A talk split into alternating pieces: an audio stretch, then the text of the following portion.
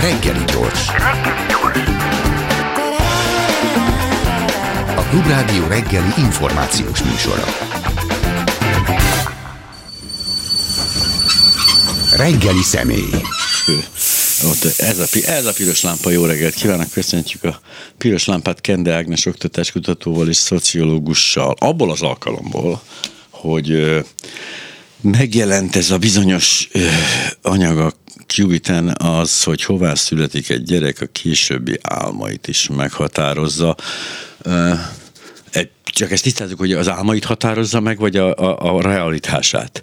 Hát az álmait és a realitását. Tehát a Tehát realitása meghatározza az álmát. Tehát már nem ismer álmodni olyasmikről, amiről egy nem e, ilyen rossz helyen, rossz helyen született gyerek álmodik. Hát jó igen, helyen. tehát hogy az adatok azt mutatják, hogy sokkal kevésbé hiszi azt, hogy ő mondjuk például egyetemet fog végezni, mint egy magas státuszú család gyerekei, de ebben igazából nincs annyira meglepő. Hát nincs. De hogy, Felmérje a De közben meg, hát meg mégiscsak a mobilitás, vagy az iskola, ami a mobilitásnak lenne egyik útja, akkor azt lehetne gondolni, hogy tök jó lenne, hogyha az iskolán keresztül olyan lehetőségek kínálnak ennek a gyerek számára is, hogy akár arról álmodni, hogy egyetemet végez. Az persze, hogy mennyi értelme egyetemet végezni, vagy nem, vagy aztól elő, boldogul-e jobban, vagy nem. Az egy másik kérdés. Egyelőre még az adatok mindig azt mutatják például Magyarországon, hogy diplomával jóval magasabb jövedelemhez lehet jutni.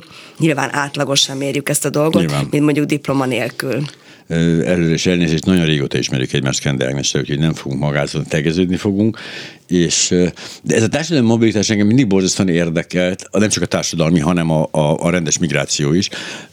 Hú, ismerik még a régi jelentését vajon a hallgatók a migráció szónak? Mert félek, hogy ennek van egy eredeti jelentése, ami azt jelenti, hogy az ember elköltözik Miskolcra, például, mint én Budapestre, én migráns vagyok. Na de mindegy, hogy a, hogy a társadalmi mobilitás mikor volt a csúcson Magyarországon? Mert ugye nagyon, nagyon a, a fényes szelek, hogy a, a létező szocializmus elején ott volt egy ilyen nagyon erős feláramlás, de egy picit az is gyanús ugye az egész dologban, de hogy több ilyen pontja volt a, a magyar történelemnek, amikor úgy tűnt, mintha lenne, aztán volt, amikor elült, és teljesen így el, elmúlt ez az egész. Hát nem fogok tudni neked pontos adatokat nem, mondani, Isten, de ments. hogy biztos, hogy a, egyébként a, a szocializmusnak egyrészt az álságos egyenlősdisége, illetve tulajdonképpen az, hogy volt ez a teljes foglalkoztatásnak a, a, az előírt követelménye, hogyha csak nemrégiben került egy tök érdekes adat a, a szemeim elé, az, hogy ebben a régióban, ebben a kelet-európai régióban, amikor ilyen szocialista kommunista országok voltak, a 89-90-ig, ott érdekes módon például az egyetemen már akkor többen voltak a nők, mint a férfiak. Tehát miközben mm. a világon általában mostanra jutott oda a, tulajdonképpen az egyetemen egyszerűen több nő, több nő jár egyetemre, mint férfi. Annyira megnéztem, hogy ez miközben mindenhol máshol, ez fordult ez a kocka mondjuk a 70-es évektől, a férfiaktól a nők mm. felé, addig nálunk. Tehát, hogy biztos, hogy volt valami fajta ilyen emancipatórikus, vagy egy ilyen mobilitási lehetőség, például a nők számára is ö, Magyarországon, és valószínűleg ez a mobilitás is egy kicsikét ö, gyorsabb volt, mert ami, ez talán ez a hét generáció, ez lehet, hogy kevesebb volt, mondom, adatot nem fogok tudni, mm. de amit lehet tudni, a rendszerváltás után, meg egyáltalán, hogy az egész oktatási rendszernek ez a végtelen szelektivitása, hogy gyakorlatilag az iskola semmit nem segít abban, vagy semmit nem kompenzál ahhoz képest, hogy hova születtél, ez biztos, hogy teljesen lemerevítette ezeket a mobilitási csatornákat. Tehát a helyzet biztos, hogy rosszabb, mint volt. Egyébként ez tök furcsa, hogy a, hogy a tanári pályának mondjuk az elnőiesedését, meg a csomó pályának ugye elkezd kimenni a pénz egy területről, akkor elkezd a férfi, férfiak is kimenni onnan. Nem azt jelenti, hogy az egyetemi diploma egyre kevesebb ére, tehát hogy egyre több nő jár egyetemre, nem azt jelenti, hogy ennek a, az összefüggés, a pénzkeresés és a diploma között így nem olyan erős már? Nem, hát ez bonyolult. Nyilván. Egyrészt részben igazad van, másrészt meg inkább erről az jut eszembe, hogy meg kell nézni az egyetem, az egy, ez egy ilyen értelemben egy ilyen olvasztó tégely, ott lehet tanul, tanítani a, mit tudom én, a szociális munkástól, a tanítónénin keresztül a villamosmérnökig, tehát hogyha megnézzük, még mindig a férfiak magasabban képviselik magukat a mérnöki szakokon, az informatika szakokon, tehát az összes olyan szakon, ahol egyébként több pénzt lehet keresni, mm. és a nők elsősorban azokra a szakokra járnak az egyetemen, amik egyébként olyan szakmák, általában segítő szakmák, szolgáltató szakmák, ahol egyébként kevesebb pénzt lehet keresni. Tehát a dolog inkább így függ össze, és valóban az egy ilyen nagy harc, és ebben a, egyébként ebben a kubitos cikkben is lehetett adni. Még mindig egyébként a felnőttkori adatokat nézzük, akkor ezek a nők ezeken a területeken abszolút alacsonyabb számban képviselik magukat, mint például mondom a, ezekben a tanítói, tanári, szociális munkás segítő szakmákban. Az, hogyha egy országban egy tökéletes oktatási rendszer van. Egy nagyszerű, ami tényleg azon dolgozik, hogy a legelesettebbeket is ki tudja valamilyen módon abból így minden hamarabb venni, ott is a hatékonysága azért elég kérdéses. Tehát ott sem, ott is meg, látszanak ezek a különbségek, és kirajzolódnak ezek a görbék, de hogy, de hogy ahol meg egyáltalán nincs ilyen, már csak cél sem, tehát nyilván, de nagyon nagy a különbség a két dolog között. Az oktatás mennyire lényeges egy ilyen szituáció? Az oktatás nagyon lényeges, de valóban azt nézzük, hogy azok az oktatási rendszerek, amik viszonylag jól tudják kompenzálni a társadalmi különbségeket, vagy ahol egyébként nincs ekkora szakadék, ezt úgy kell elképzelni a, a a rádió hallgató számára, hogy megnézik például a PISA vizsgálat, megnézi azt, hogy milyen a státusza a szülőnek, és ahhoz képest megnézi az eredményét a gyereknek. És általában azt találják, egyébként ez egy általános tendencia, csak Magyarország ebből nagyon kiugró, hogy minél alacsonyabb a státusza, annál rosszabbul teljesít az a gyerek, és minél magasabb a szülők státusza, annál jobban. És azok az igazságos rendszerek, ahol ez nem játszik ekkora fontos szerepet. Tehát uh-huh. magyarán az alacsony státuszú szülők gyereke is tudnak jól teljesíteni matematikában, magyarból. És akkor nézik ezt a távolságot országot. De az, azok az országok, ahol ezben nagyon jól teljesítenek, például Finnországot mindig felhozzák példának, ott az is igaz, hogy maga a társadalmi egyenlőtlenség az egész társadalom belül elég szűk. Tehát nincsenek hatalmas különbség, nem nagyon polarizált a társadalom. Tehát általában azt látjuk, hogy ahol nagyon nagy különbség van a legalsó réteg és a legfelső réteg között, ott sokkal keves, kevésbé tud az iskola labdába rugni, mint hogy eleve szűkebb ez a történet. És egyébként minden minden összefügg, mert ezek a skandináv országok eleve sokkal egalitárianusabb társadalom hatalmak, tehát sokkal inkább benne van az ő történelmükben is ez a fajta ilyen egyenlőség. Például egyáltalán nem szokták elvinni más iskolák. Próbálta Svédország egy pár évvel ezelőtt bevezetni egy ilyen elit gimnáziumi rendszert, mint ami nálunk tök evidens uh-huh. a Radnóti vagy az ötvösre, és nem kért belőle a nép, nem volt népszerű, másfajta kurikulumot akartak kínálni, egy ilyen magasabb végzettséget. Az emberek megszokták, hogy a sarki iskolába járatják a gyerekeiket, és ezzel nekik semmi bajuk nincs, de ugyanakkor nyilván az is van, Svédországban nagy eséllyel nem fognak nagyon nagy szakadékkal találkozni, mondjuk egy iskolán belül. Nyilván ez bonyolítja a bevándorlók képe, akik lehet, hogy teljesen más helyzetből, kultúrából jöttek, bár általában ezek a bevándorlók azért a mobilabbak, akik gyorsan ö, beilleszkednek abba a helyzetbe, amiben vannak, de mondjuk most nem akarok a svéd belső bele menni, azért nem, nem vagyok szakértője.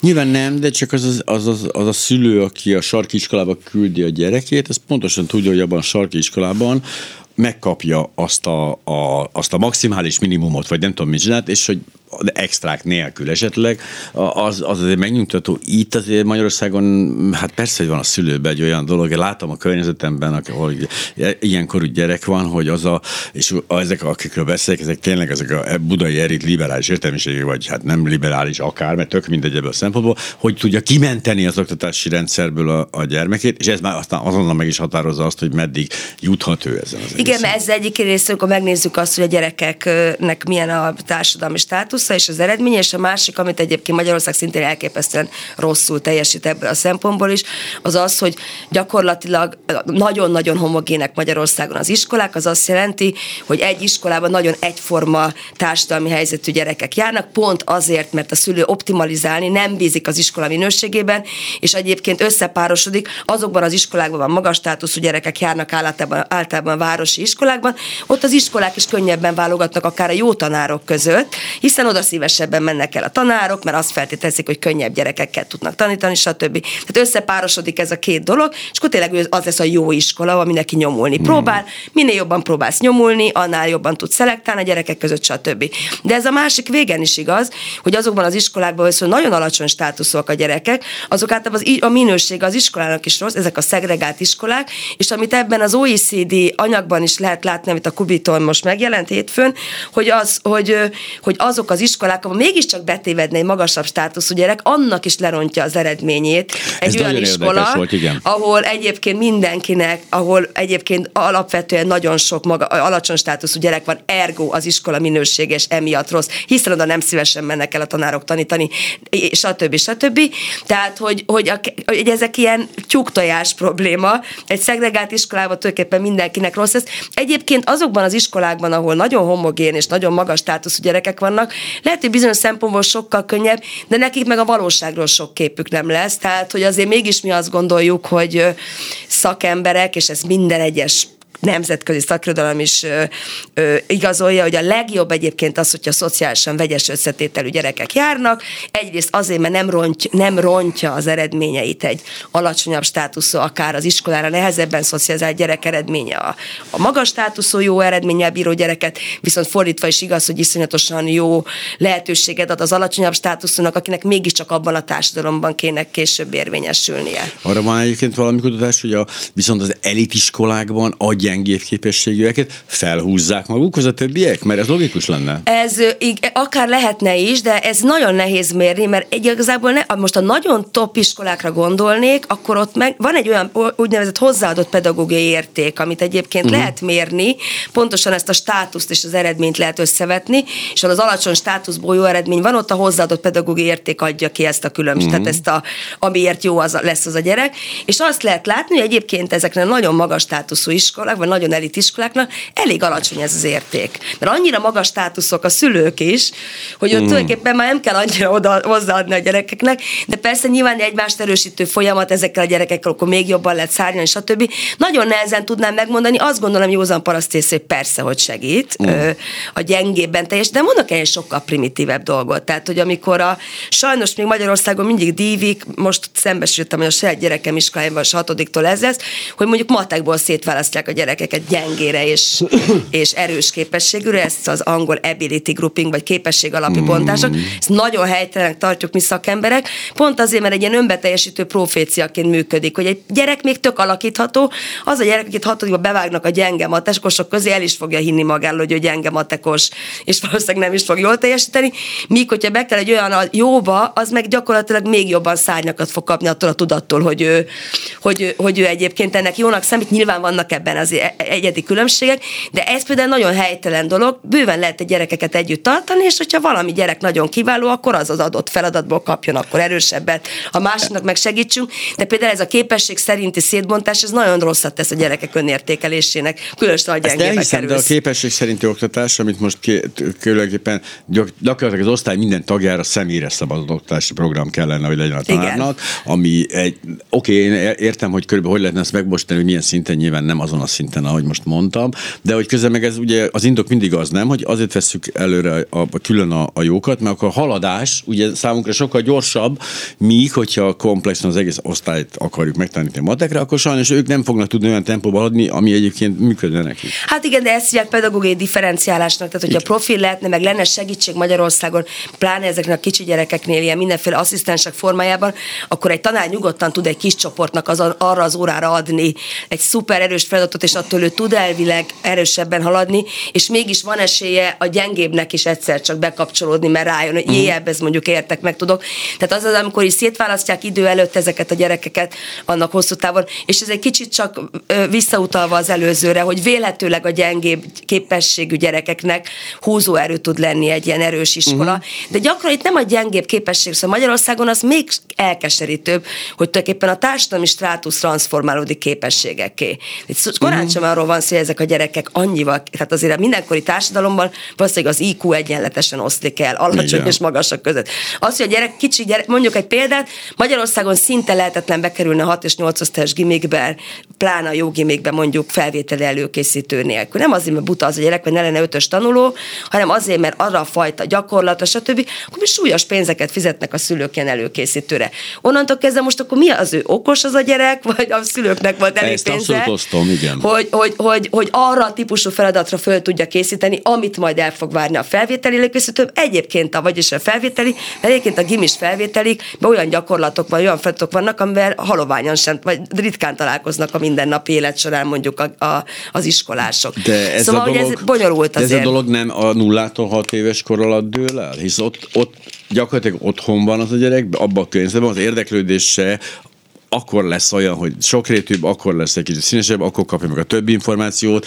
Tehát mire eljut egy, egy általános iskolába, addigra valószínűleg ez, ez, már, ez már úgy jelentkezik kívülről, azt látjuk, hogy jobb képességű gyerek. Hát mondjuk az, agy, például az agyfejlődést nézzük, de ez egyáltalán nem értek, csak száz évig Nyilván, ültem egy olyan programon, hallgattam a, a, a, a kollégátak, aki értenek, hogy mondjuk a három éves korig nagyon sok minden eldől, tehát hogy nyilván uh-huh. ott azért a, akár, hogy milyen, ét, milyen táplálékhoz jut, milyen bármihez jut, de azért e- egyrészt van ez a dolog, én ennek ide nem mernék ö, izé, ö, e- erre a terepre merészkedni.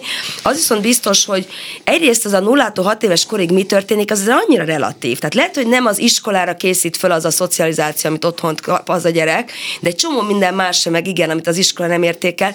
Tehát, hogy mondjuk elképzelek ö, egy nagyon szegény sorban élő nagy családot, mondjuk cigány családot, rengeteg testvérről, és iszatosan meg kell tanulni alkalmazkodni például. Vagy azt kell csinálni, hogy mit tudom én, a, már korán, pici gyerekkorban kiviszik a családot, mert együtt szedik a gombát, amiből meg tudnak élni, vagy a gyógynőt. A gyerek egy csomó olyan dolgot megtanul, ami képességre egyáltalán, vagy készségre egy kicsit sem kíváncsi az iskola, mert valóban otthon nem is volt tér arra, hogy Montessori tornyokat építgessenek, amit viszont sokkal jobban honorál majd a, az óvoda vagy iskola. Egyébként ezért van az, és erre számtalan program ö, igazolja ennek a sikerességét is, hogy a kora gyerekkori intézmények, tehát az, hogyha 0-tól 3 éves korig Magyarországon a bölcsödének nevezett típusú intézménybe pláne magas színvonalú intézménybe bekerül egy gyerek, pláne az ilyen alacsony státuszú családokból lévő gyerekek, akkor egyébként az nagyon-nagyon elegendő ahhoz, hogy kompenzálja már az uh-huh. óvodára, vagy akár az iskolára való készséget, de ez bonyolult, mert pont például a legszegényebb roma gyerekeknél falvakban elérhetetlenek ezek a bölcsöde típusú intézmények, és eleve a bölcsöde építéssel amúgy is le vagyunk maradva Magyarországon. Nagyon-nagyon rosszak azok az adatok, hogy a női munkavállalás például három év alatt az azt jelenti, hogy gyakorlatilag otthon maradnak. Maradhatnak is otthon a gyers miatt, egy alacsony pénzzel, van egy biztosítottságuk, bár szá- nagyon kevés ez a pénz. Minden esetre ez a fajta bölcsöde fejlesztés azért ez egy ilyen még a kormány is ígéri, hogy ebbe, ebbe valamit fektetnek, uh-huh. de mondjuk például a falusi legszegényebb gyereket, akinek a legnehezebb ez a mobilitás, azért az kíváncsi, hogy mikor fogja elérni például jó minőségű bölcsöde. Ezt például hogy oldották meg? Mert máshol is vannak falvak, máshol is vannak szegényebb részek. Ezt hogy sikerült megoldani? Mert nem hiszem, hogy mindenhova építettek egy bölcsödét. Mármint, hogy Magyarországon, ne, hogy ne, ne, ne, abszolút külföldön, ahol sikerült megoldani. Egyrészt ezt most nem fogom tudni neked ja, megmondani, jó, hogy, hogy ezek a korai gyerekkori intézmények hogy néznek ki. Ha most csak a modern Nyugat-Európára gondolok, nem maradnak a nők ennyire sokáig otthon, tehát ezek az intézmények sokkal jobban ki vannak építve. Hát figyelj, az, hogy nem, nem tudom, hogy ezt hogy csinálják. Uh-huh. Nyilván egy Hollandiára gondolok például, ott olyan kicsik a távolságok, meg annyira urbanizált az, az egész, hogy valószínűleg ott így a, a vidék és város. a város is uh-huh. sem köz, nem, nem, ez a fajta kép, hogy ilyen, tehát nem ilyen bukolizált falvakról beszélünk szerintem, vagy kevésbé, mint mondjuk Magyarországon. Tehát, hogy nem, nem tudom ezt most így neked megmondani. Az biztos, hogy az adatokból tudom, hogy sokkal inkább járnak intézménybe, és a nők sokkal inkább visszatérnek a nulla és három év között is a munkaerőpiacra, miközben a magyar nők meg három év fölött térnek föl elképesztően. Tehát ott meg úgy utalérjük az uniós átlagot, sőt, még el is hmm. adjuk, ott már 80-90 százalék között van a női munkavás, ami viszont nagyon magas Európán belül. nem tudnak ami megélni a Hiszen nem lehet megélni egy fizetésből, meg hát egyáltalán a női munkavás az a női emancipációnak a része, tehát én abszolút üdvözlöm ezt a dolgot, hogy a nők vissza dolgozni, de feltűnő a szakadék a 0-3 uh-huh. Hmm. éves nők munkavállalása és az a fölötti között. Arról tudunk valamit? Te, mert én nem. Hogy arról tudunk valamit, hogy viszont milyen plusszal jár ez a három év, amit a, a, az anyával tört szorosan ilyen szimbiózisban ez egy gyerek, mert biztos valahol azért valamit, ez is ad hozzá valami másfajta dolgot. Hát egyrészt nyilván, másrészt, hát nem, szerintem e, nem tudom, most nem uh-huh. akarok ilyen szabályokat mondani, hogy meddig. Persze egy pár hónapig, amíg szoptat az ember, meg egy évig biztos tényleg jó, meg a nehéz elválni az a kicsi gyerekektől, de utána szerintem különösebben semmilyen indok nincsen, és éppen most írtam nemrég a Kubiton egy cikket, egy másikat, amiből egy szakember arra olyan kutatásadatokra hivatkozott, hogy két év fölött már gyakorlatilag nincsen semmilyen indok, ami azt mondaná, hogy ártana a gyereknek egy intézménybe járás. Uh-huh. Tehát, hogy azért ez nálunk túl van lihegve. Ez már biztos millió vendég elmondta itt, mert azért ez egy elég közismert tény, hogy amikor a 67-ben a gyers bevezették, és tulajdonképpen azért, mert a nők egyszer nem, nem tudtak szocializmus ezt a teljes munkát, ö, foglalkoztatást biztosítani, és a nőket ki kellett vezetni a munkaerőpiacról, és ez egy ilyen jó megoldás megoldás volt, hogy akkor az anyasággal otthon tudnak maradni, valamennyi pénzt ezre biztosított is, és ez szépen ráépült egy ilyen ideológia is, hogy a nők, hogy a gyereknek három évig otthon a helye az anyával, mm. hogy ez milyen jó lesz. Szerintem ez nagyon sok fájdalommal jár.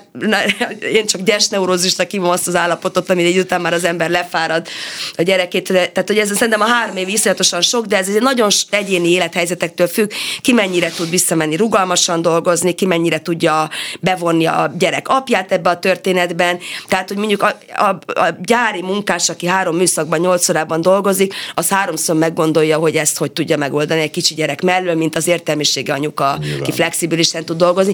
Szóval itt nem akarnék egységes szabályt mondani, épp ezért azt gondolom, hogy mindig a struktúrák felől közelítek, és nem az emberi tényezők, mert az annyira vegyes. Szerintem jó intézmények kellenek, hogy lehetőség legyen az anyáknak visszamenni. Én ugye 65-ösként, én ugye négy hét volt, ha jól emlékszem az elbeszélések alapján, és kettővel meg lehetett hosszabbítani. Tehát hat hét volt, és aztán ment vissza anyám dolgozni. Ami, ami, de én, én nagyszülős voltam, tehát nem, nem voltam intézményben akkor sem. Nagyon később a középső csoportba kerültem be intézménybe, de megbántam, mondanám. De hogy most ez, ebből a szempontból mindegy is, csak nem, nekem nagyon nem vált be az intézmény. Lehet, hogy például azért, mert későn kerültem be, nem tudom. Hát, vagy nem volt elég jó, vagy bár ja, milliókkal lehet a dolognak. Mindegy, meg egyébként trauma. az, hogy hogyan, persze, tehát nagyon sok, nyilván egy csomószor egy konkrét helyzet tehát nézve az ember aztán hoz egyéni döntéseket, és lehet, hogy abban a helyzetben az a legjobb, hogy három évig otthon maradj. Hogy mondjam, hogyha ilyen makroadatokat nézzük, semmi nem igazolja ezt, és nyugaton sehol nincsen ilyen hosszú szülési szabadság. Másrészt, ami viszont nagyon sokat számít, és erről most nagyon sok beszédet lehet hallani, aki ebben a témában egy kicsikét is mozgolódik, az az apai szabadság, tehát hogy az apa is menjen el apai uh-huh. szülési szabadság. És egyébként ezt például a skandináv országok egyszerűen úgy csinálják, hogy akkor tudod optimalizálni a pénzt, ha egyszerre, hogyha egyformán veszed ki ki. Uh-huh. Tehát ha mondjuk három hónapot vagy hat hónapot a mama marad otthon, akkor utána hat hónapot a papa, és itt tudjátok maximalizálni a gyesnek megfelelő összeget, vagy a gyednek megfelelő összeget.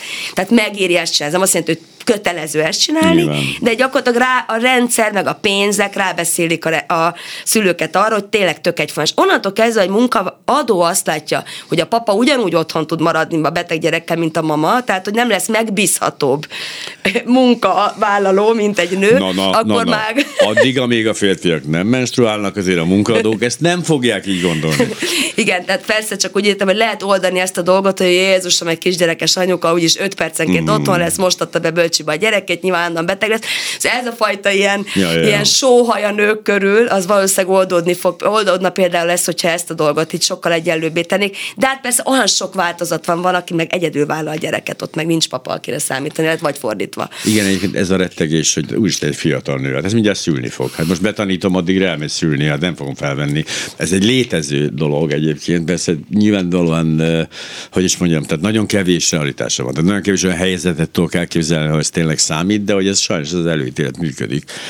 De hogy a, de hogy a, de hogy a, a, a munkavállalásra egy picit térjünk meg vissza, mert az, az tényleg barom érdekes, hogy ugye nyilván azért mennek vissza három év után a, a nők, addig is borzasztóan kevés lehet az egy fizetés plusz a gyergyed, de nem tudom micsoda. Utána visszamennek, de hogy, a, de hogy tudnak, tehát az, hogy a százalékban, nagy százalékban mennek vissza, az oké, okay, de, de ezzel mennyire rekeszti meg őket a, a rendszer az előrelépésben, az előrejutásban? Hát vagy? nagyon, tehát ebben most pont erről is volt egy, az, szóval volt most egy, a Budapest Intézetek volt egy friss kutatása ebben az ügyben, és ez nagyon nagy probléma, pláne, hogy a nők, és ezt láttak sehol nem látják, pont ezek a kutatók írják ebben a tanulmányban, hogy ez egyáltalán nem szokás, hogy itt érde, az anyukák így össze, vagyis a családok így össze torlasztják a gyerekeiket, 5-6 évig otthon maradnak emiatt a gyes uh-huh. miatt, akár két-három gyerekkel, és az már iszonyatosan sokat számít a, a munkaerőpiacról való kimaradása, tehát hogy igazából emiatt is iszonyú hátrányokkal indulnak, mert gyakran olyan területen vannak, nem képzik magukat, ezeket ebben a kutatásban HR-esek panaszkodtak,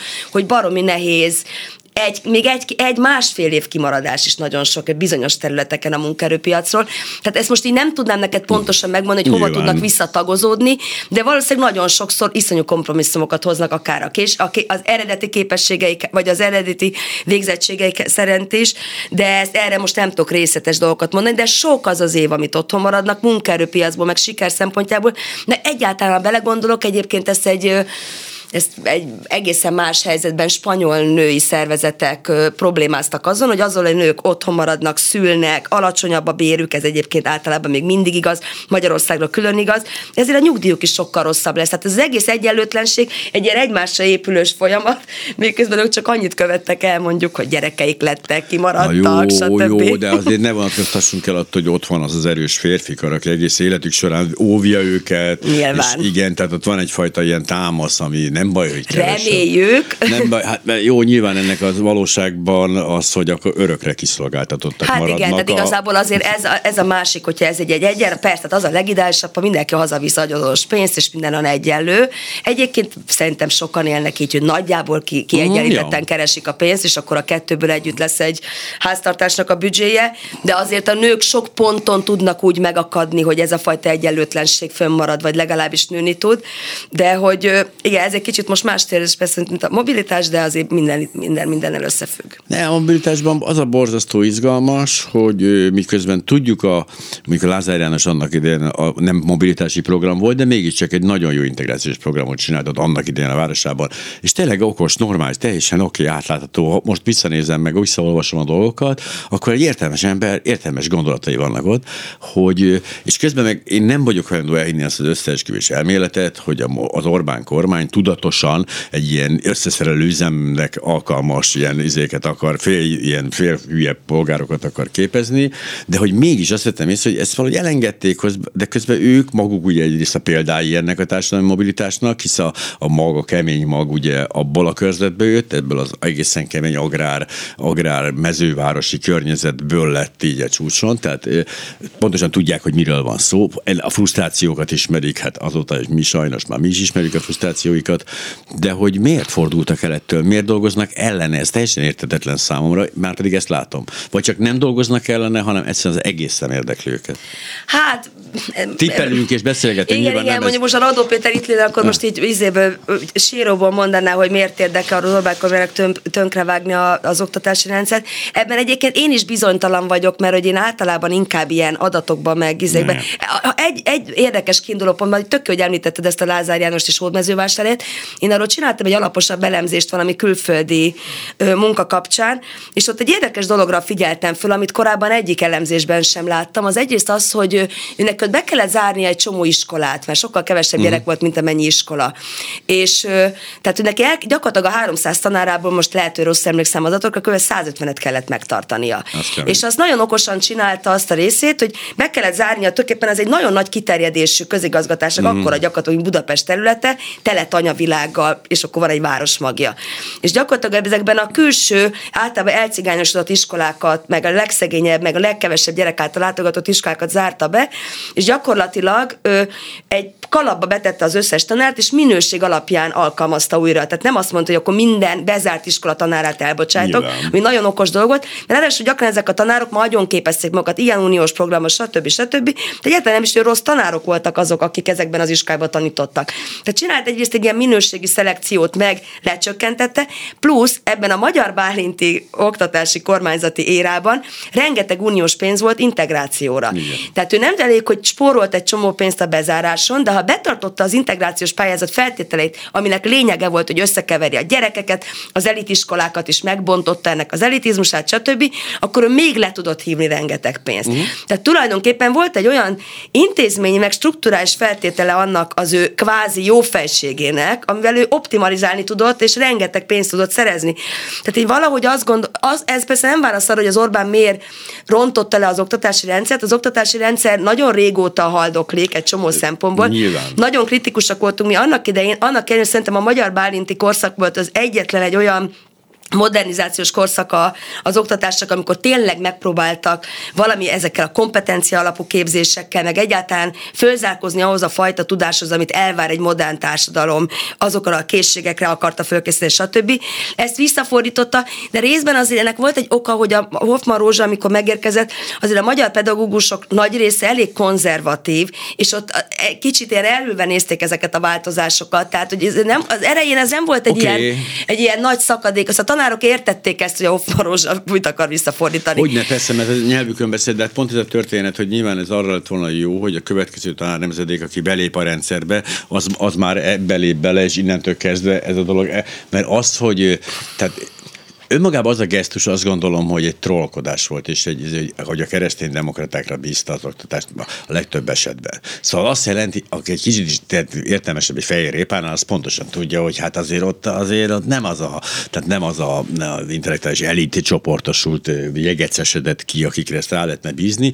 Én ezt, ezt mindig úgy éreztem, hogy ezzel ő beteszi arra helyre, hogy ez nem fontos. Tehát volt egy csomó ilyen nem fontos dolog, ami. De nem csak nem fontos volt, hanem tulajdonképpen ők pénzt ígértek, viszont cserébe az autonómiát autonómiától meg akarták fosztani, abban viszont meg már benne van az Orbánnak ez az egész ideológiai Igen. dolga, hogy mindent, ö, hogy minden, mindent uralni akar, és mindent kontrollálni akar, tehát a centralizáció az biztos, hogy jön az Orbán rezsimnek a, uh-huh. az ideológiai elképzeléséből. Az, hogy egyébként ezzel, ezzel a keresztény konzervatív maszlaggal is megpróbálta leönteni az iskolát, lásd a botrányok, amik a NAT körül voltak, a magyar, tehát hogy a Vassalbertek, stb.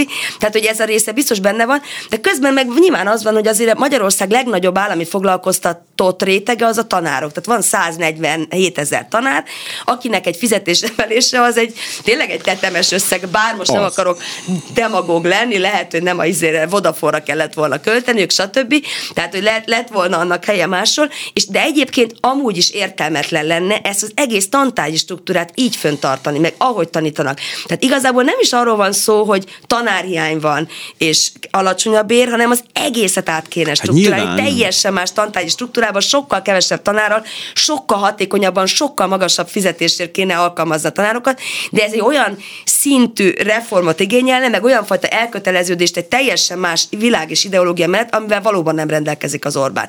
Azt én is egy kicsit konspiratívnak gondolom, hogy direkt akarja lebutítani a népet, ebben ja. ez ilyen, nekem is olyan túlzó, jól hangzik, stb., de sok-sok elemében látszik, hogy egyébként különösebben nem érdekli az a dolog, lásd merengő bölcsészek, lásd az örökös kísérlet, hogy a szakképzést, a korábban szakmunkásként vagy szakiskolaként ismert dolgot fölfejlesz, ezért soha nem sikerül neki, bármikor megnézzük az adatokat, nem bír 20-22 százaléknál magasabb lenni az, aki szakiskolába akar jelentkezni. A kötelezettségi kornak az, az igen, az megint egyébként volt egy igény, mert, mert azokkal a nagyon problémás, már nagyon kudarcos iskolai karrierek után lévő gyerekekkel még ott benyűglődni 18 es korig, az először nagyon sok pedagógust felszabadultan uh-huh. örült, hiszen ez megint a szakiskolákat érintette. Most már a visszamész és megkérdezed, már ők is látják, hogy mennyire veszélyes. Mennyire megnőtt a, a, az, az iskola elhagy, korai iskola elhagyók számok, a bukások száma, az, az egész rendszert egyébként nagyon átláthat, vagy nagyon nehezen átjárhatóvá tették, bár most azóta történtek módosítások,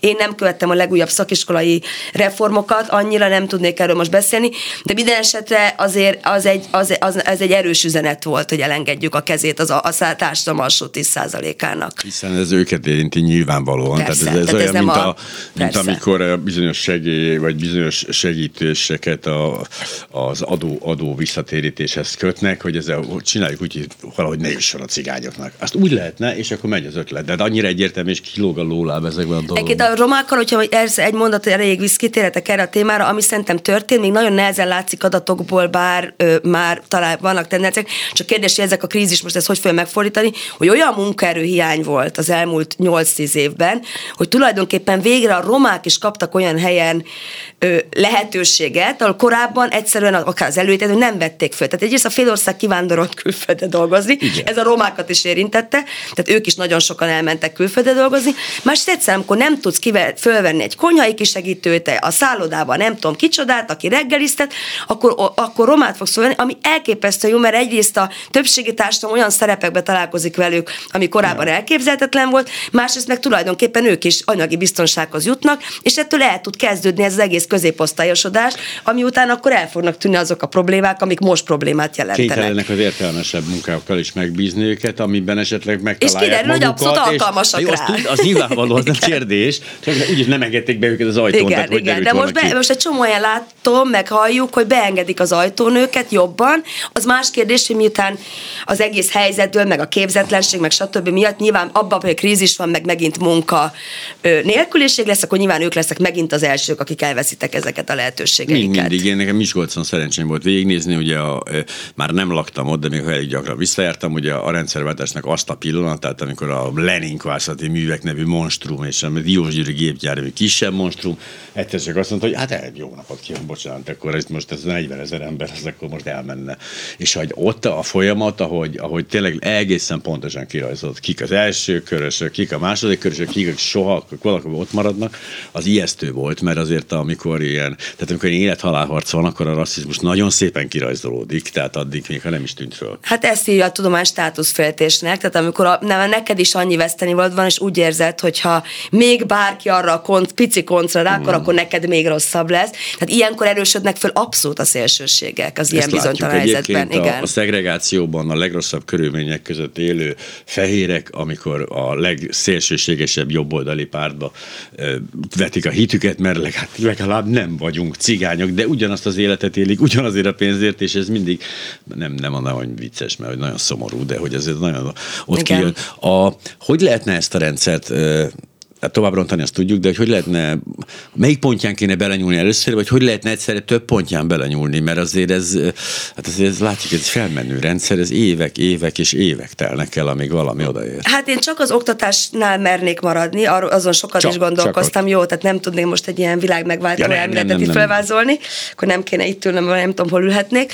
Ö, azt gondolom, hogy, hogy nem lehet egy elemébe, tehát nem lesz, tehát hogy, hogy mondjam, szóval, hogy a, a tanárképzéstől, hát a fizetés nem az alap, meg. de amint említettem, de nem oldja meg az egész kérdést, tehát nyilvánvaló az autonómiát vissza kéne adni, de mondom, hogy ha én mélyebbre mennék, akkor egyrészt kezdeném az volt a tanárképzéssel, tehát egészen, a, egészen az alapoknál kell kéne kezdeni. A tanárképzésben ma egy tanár alig tanul valamit, pláne ha már tantár, tehát már felsős tanár, illetve közép, uh-huh. középiskolai tanár, gyakorlatilag minimális óraszámba tanul pedagógiát vagy pszichológiát, ilyenfajta, főleg tantárgyat, meg tantárgymódszertan tanul, ö, amennyire én tudom. Tehát ugye gyere, egyáltalán nem találkoznak azokkal a helyzetekkel a tanárok, vagy nagyon kis, kevéssé találkoznak, ami egyébként a magyar társadalmat jellemzi, tehát hogy például nem tudnak, ezért nem tudnak mit kezdeni egy vegyes összetételű osztályal, mert nem tettek meg őket az egyetemen. Tehát nem csak azért homogén egy osztály, mert mindenki a legjobb iskolába akarja a gyerekét betenni, hanem melyiket a tanárok nem alkalmasak arra, hogy egy vegyes összetételű osztályban tanítsanak. Tehát a tanárképzésbe biztos, hogy belenyúlnék, a fizetésbe biztos, hogy belenyúlnék, magába ebbe a tantár struktúrába szintén belenyúlnék, és gyakorlatilag olyan helyzetet kéne teremteni, amit te mondtál az elején, hogy mindegy, hogy melyik iskolába teszem a gyerekemet, minden ugyanazt kapja. Tehát onnantól kezdve azt nem fog órákat utaztatni, csak azért, abban reménykedik, hogy ott jobb lesz. És egyébként az, hogy a szabad iskola választásba belenyúljunk-e vagy nem, a körzetekbe belenyúljunk, a körzetekbe egyébként szerintem érdemes belenyúlni, úgy kell kitalálni az iskolai körzeteket, hogy ne legyenek egyenlőtlen iskolai körzetek társadalmi helyzet szempontjából. A szabadiskolaválasztás egy olyan szabadságjog, amiben nagyon nem, én magam sem merném azt mondani, hogy szüntessük meg, de azt gondolom, hogy ki lehetne védeni azzal, hogy viszonylag egyforma minőségű iskolák ja, vannak, akkor értelmetlenné válik ez a fajta utaztatás. És egyébként én a, egyébként felszámolnám, most biztos megköveznek a rádióhallgatók a 6-8 osztályos gimnáziumokat, szerintem ez egy nagyon egészségtelen dolog, hogy három ponton lehet kimenni az iskolákból. Ez egyrészt nagyon rosszat tesz azoknak az általános iskoláknak, akiket elhagynak ezek a gyerekek, másrészt pedig ezt a szelekciót iszonyatosan erősíti a 6 és 8 osztályos gimnázium gimnázium, hogy gyakorlatilag nem járnak olyan gyerek, akinek nem, nem lenne diplomások a szülei. Tehát ez, ez még... érdekes, mert ezt a struktúrát én nem ismerem, ugye ez utánam jelent meg. Igen, ez utánunk jelent meg. És nem is volt ilyen korú gyerekem, de ne, ez kimaradt nekem, hogy ez hogy miért rossz, meg miért hát jó. Hát ez a, ezért rossz, mert gyakorlatilag az, a legmagasabb státuszú gyerekeket elviszik az általános iskolákból, és ott marad ilyen értelemben most nagyon csúnya szóval a reszli.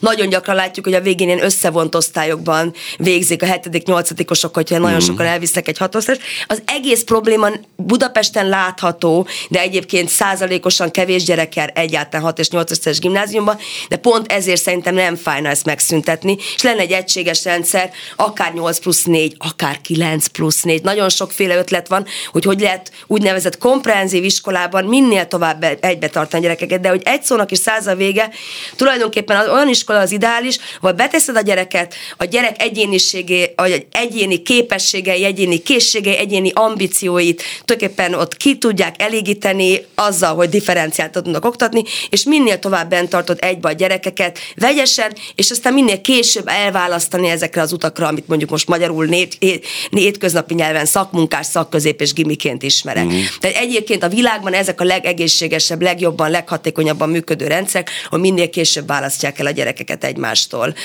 És addig tulajdonképpen formálódik az a gyerek, alakul, izé, lehet, hogy azt hiszi 5 éves korában, hogy, vagy 8-10 éves korában, hogy izé, fodrász akar lenni, de lehet, hogy 14 éves korában meg már atomfizikus. Tehát, hogy minél később kelljen ilyen utakra Mert ő neki átállni. pályának érzed, hogyha... Akkor el kell ha, választani. Igen, 14 évesen. Persze Magyarország ilyen szempontból nagyon vegyes, mert tulajdonképpen 8 után kell választani, nálunk másért rossz ez a rendszer, mert a, a szakiskola az egy nagyon az egy nagyon alacsony presztízsű szak, és általában a munkaerőpiac egy csomó olyan készség, minél magasabb, tehát mit tudom, bőven elég érettségi után mondjuk szakmát tanulni például, és akkor az egy ilyen nagyon minőségi, nem tudom, hegesztő lesz belőle. Vagy, elég lenne vagy... egyébként, sőt, a diplomát sem, ugye ismerünk olyan országokat, és tényleg Hollandia jó példa, hogy, hogy az az teljesen természetes, hogy a taxisofőrnek diplomája van. Tehát ez fel sem merül, hogy nem. És hogy épp ezért, mert hogy ugye mindannyian tudjuk, a diploma megszerzése után egy olyan folyamaton megyünk végig a tanulás tanulásán, hogy onnantól kezdve már gyakorlatilag sokkal könnyebben elsajátítunk bármit, amit akar. De hogy a tantárgy struktúra az iszonyú fontos lenne, ezt csak megemlítetted, hogy ezt meg kéne változtatni, de hogy hát ez nagyjából a 60-as, 70-es évek tantárgy struktúráját érze. Jó, a világnézetünk alapja helyett hittan, de hogy alapvetően ezek a nagyon-nagyon elválasztott nyelvtan, irodalom, történelem, földrajz dolgok, ezek hát egészen meghaladottnak tűnnek egyébként a hát világ többi részében. Akkor dövetem, amikor van egy ilyen késői tíz éves gyerekem, aki most negyedikes, és amikor az első osztály meg kellett vennem ezeket a, ezeket a dobókockákat, meg ezeket a számegyeneseket, meg a piros, igen. úristen, tehát 1978 amikor én kezdtem pontosan, hogy ezeket a tárgyakat kellett megvennem. Lehet, hogy persze azóta nem találtak ki jobbat, és így a legjobb tanítani a... A kiskorongokat is? Hát minden, ugyanaz. Ja, kiskorong, kék, vizé, papírdobol, papírdobókocka, mert benne vannak a kirangok. Tehát lehet, hogy tényleg semmit nem változott azóta a dolog, de hogy, hogy, hogy nem, tehát a tantárstruktúra pontosan, tehát ezeket sokkal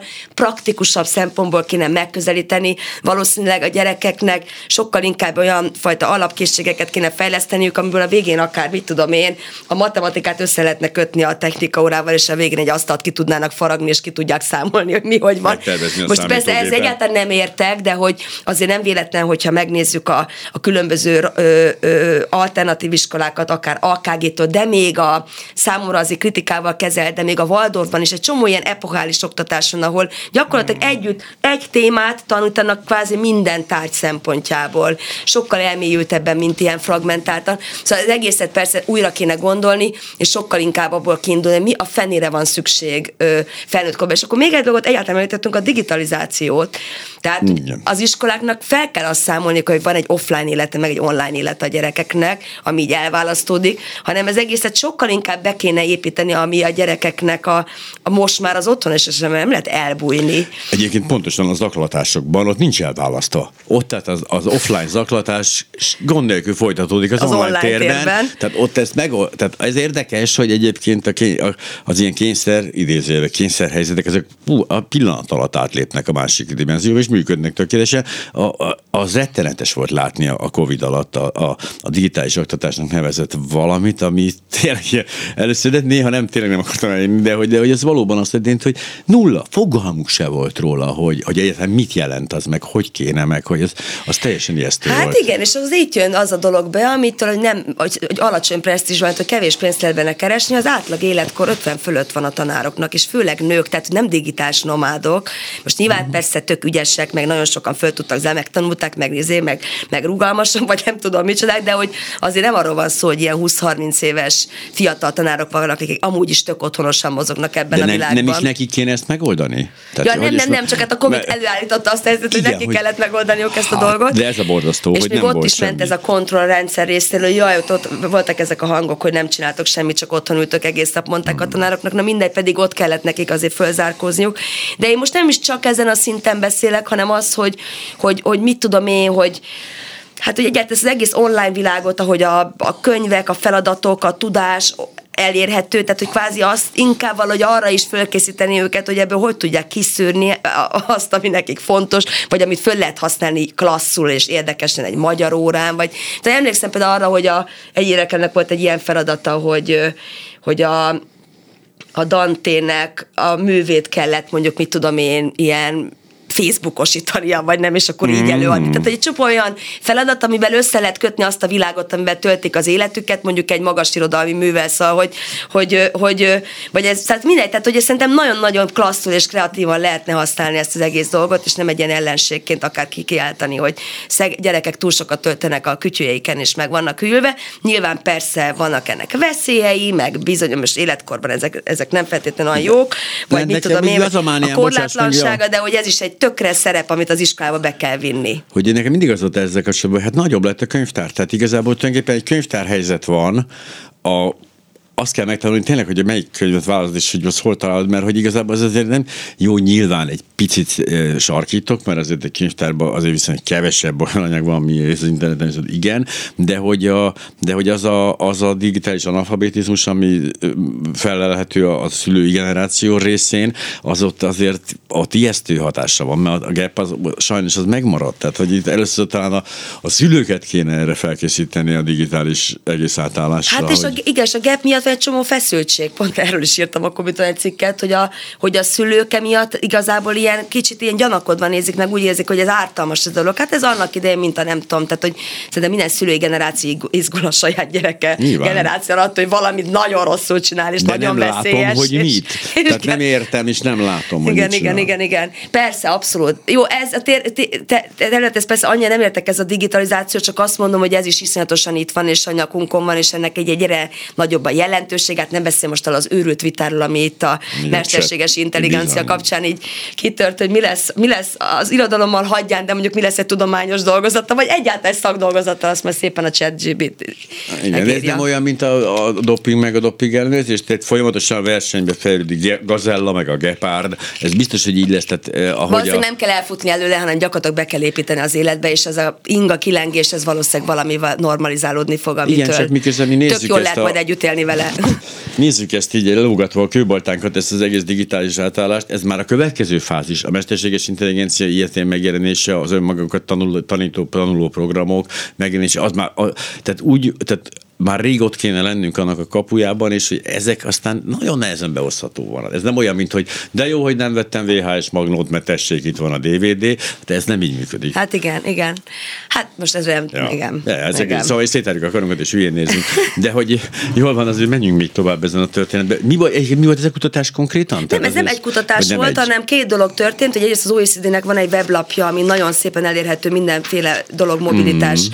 terén, és szépen végigmenje életkorilag, hogy ez hogy néz ki a csecsemőkortól tulajdonképpen felnőtt korig, és mellesleg megjelent frissen 31-én egy ilyen oktatási jelentés, de az inkább arról szól, nem feltétlenül adatokról szól, hanem arról, hogy mit kéne ahhoz csinálni, hogy inkluzívabb és befogadóbbak legyenek az oktatási rendszerek, méghozzá azért, amit itt a cikken végén is írok, hogy a konklúziós az egésznek az, hogy egyrészt elképesztő Magyarország kevésbé érzi egyébként, bármennyire hiszti van körülötte, meg nagyon sok milliárdot költöttünk propagandára, de azért a migráció az nem jelent meg. Ha megnézed az iskolai adatokat, nagyon kevés ö, ö, külföldi bevándorló de gyerek a van. neveket, egy kínaiak vannak. De ők azért nem tegnap érkeztek ide. tehát ők mondom, az, de, de azok van, igen, vannak, illetve hát azért alapvetően ez egy tranzitország, ahonnan nem maradnak nagyon itt. Na mindegy, szóval azt akarom mondani, hogy ez viszont ez más társadalmakat sokkal élesebben érint, és ez egy csomó dolgot fölvet, akár az, hogy mit tanítsunk az iskolában.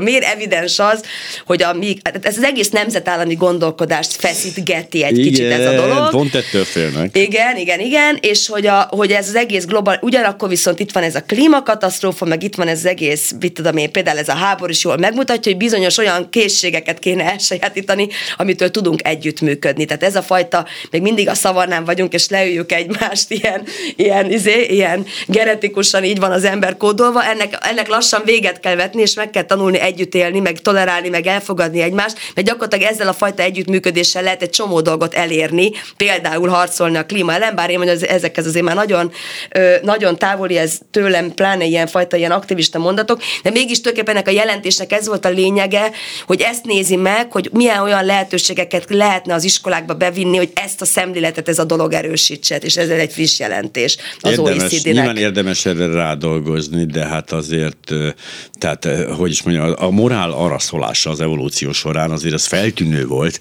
tehát hogy azért mondjuk, amire vissza tudunk tekinteni, az egy olyan mondjuk 4 5 ezer, 5 ezer évre, hogy hát nem, nem látom az ugrást. Tehát, hogy amikor azt mondjuk, hogy együtt kéne működni, akkor azt mondjuk, hogy mindig voltak jó példák erre, és mindig voltak kísérletek erre, és most mi is azért gyűjtünk össze Budapesten, itt mint két millióan, hogy megvédjük egymást. Nem működik tökéletesen a dolog, de kisebb egységekben talán még igen, de hogy ez, ez nagyon távol van, hogy ez valami belső kényszeré váljon. Hát persze, az ember kapzsi, és magának akar jót. Persze, ez, én is azt gondolom, hogy ez iszatosan távol van. De egyébként ez érdekes dolog, ez, ez, ez, ez sokkal föltözragadtabb példa. Tehát például ez a másik, amit kérdeztem, mit lehetne csinálni. Én ugyebár elsősorban roma gyerekek helyzetével, meg oktatási egyenlőtlenséggel foglalkozom, és abban nagyon sokat gondolkoztam, hogy a tanárképzése milyen keveset kapnak a tanárok erről. De hogyha az lenne a norma például, hogy nem oké, okay, hogy tudom, ismerem azt, az, azt a metakommunikatív dolgot, hogy például megalázok egy osztályteremben egy gyereket, meg nem ismerem őt el eléggé, meg lenézem a családját, meg nem bízom abban, ahogy ők ott élnek, és ezt megtanítják az egyetem, hogy ez nem oké, fölhívják erre a figyelmet, és az válik a norma, csak a professzió körüli normává, hogy most leegyszerűsítve nem vagyok rasszista vagy előítéletes, és egyébként tudom kezelni egy osztálytermen belül ezeket a dinamikákat, akkor már jót tettem. Tehát, hogyha az a norma, hogy állandóan erről beszélünk, hogy együttműködünk, meg egyébként fogadjuk már el azt a másikat, és egy ilyen normát tudunk teremteni, akkor előbb-utóbb ez valamennyire elkezd hatni.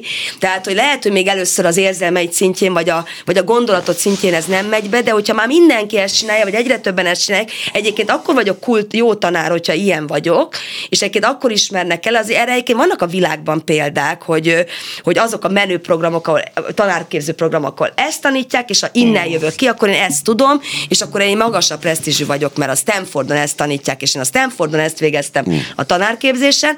Tehát ugye lehet egy olyan hangulatot teremteni, olyan normát teremteni, ahol ez a fajta egymás torkának esünk, és hogy tudjuk lenyomni a másikat, és hogy tudjuk versenyezni, az így egy kicsit oldódik. Én se bízom benne, hogy az egyik pillanat a másikra, meg én is ért, ismerem az ember természetét, hogy ez távol áll tőle, de hogy azért ez nem egy teljesen kivitelezhető, hogy elképzelni. Ja, nem, példák nem. a világon erre. Sőt, sőt, pozitív, olyan jó, még van másfél percünk, és ilyen felemelhetjük egy pozitív helyre az egész történetet, akikkel találkozom 20 évesek, és itt van tényleg 19, 21, 23 évesek, egy tök más faj nem is tudom, hogy biztos nem tudnánk egymásra szaporodni, más nyelvet beszélnek, és például ezek a normák egyébként úgy érzem sokkal inkább belső normák, mint, mint külső követelményeknek való megfelelés. Tehát például a, a és, de az a baj megint, hogy én egy nagyvárosi, viszonylag ö, ö, válogatott ö, társasággal találkozom, de tényleg a monyi közönsége, de ott, ott azért azt látod, hogy ott a, ott a rasszizmus az vérciki, tehát ott, ott nem maradhatsz meg, de ez még nem hiszem, hogy ez egy elterjedt annyira borzasztó. Persze, és nyilván ezt mondom, hogy ezeket, azt, hogy most a saját barátaidat meg az ember megválogathatja, és akkor tud egy ilyen buborékban lenni, hol nem találkozik ezzel, de az, hogy a tanárképzésben például ez egy téma legyen, ez a, ez a fajta interkulturalitás, hogy nevezhessük bárminek, ez például szerintem abszolút lehetne kötelezővé tenni. Most egy választható tantárgy, vagy találkozik egy tanárjelölt ezzel, vagy nem. Kende, Kende Ágnes oktatáskutató szociológus volt a vendégünk. Ez és a Kubit külső szerzője tegyük hozzá és akkor. a Kubit külső szerzője, nincs is, vannak belső szerzői a Kubit? Hát persze, vannak ja, státuszban lévő dolgozói. Oké, okay, a Kubit külső szerzője, hisz ez alapján hívtuk meg ide, mert a Kubit az tényleg egy barom, nagyon-nagyon jó kezdeményezés, egyszerűen imádom, de most ennek vége van. Köszönöm, hogy itt voltál, szia!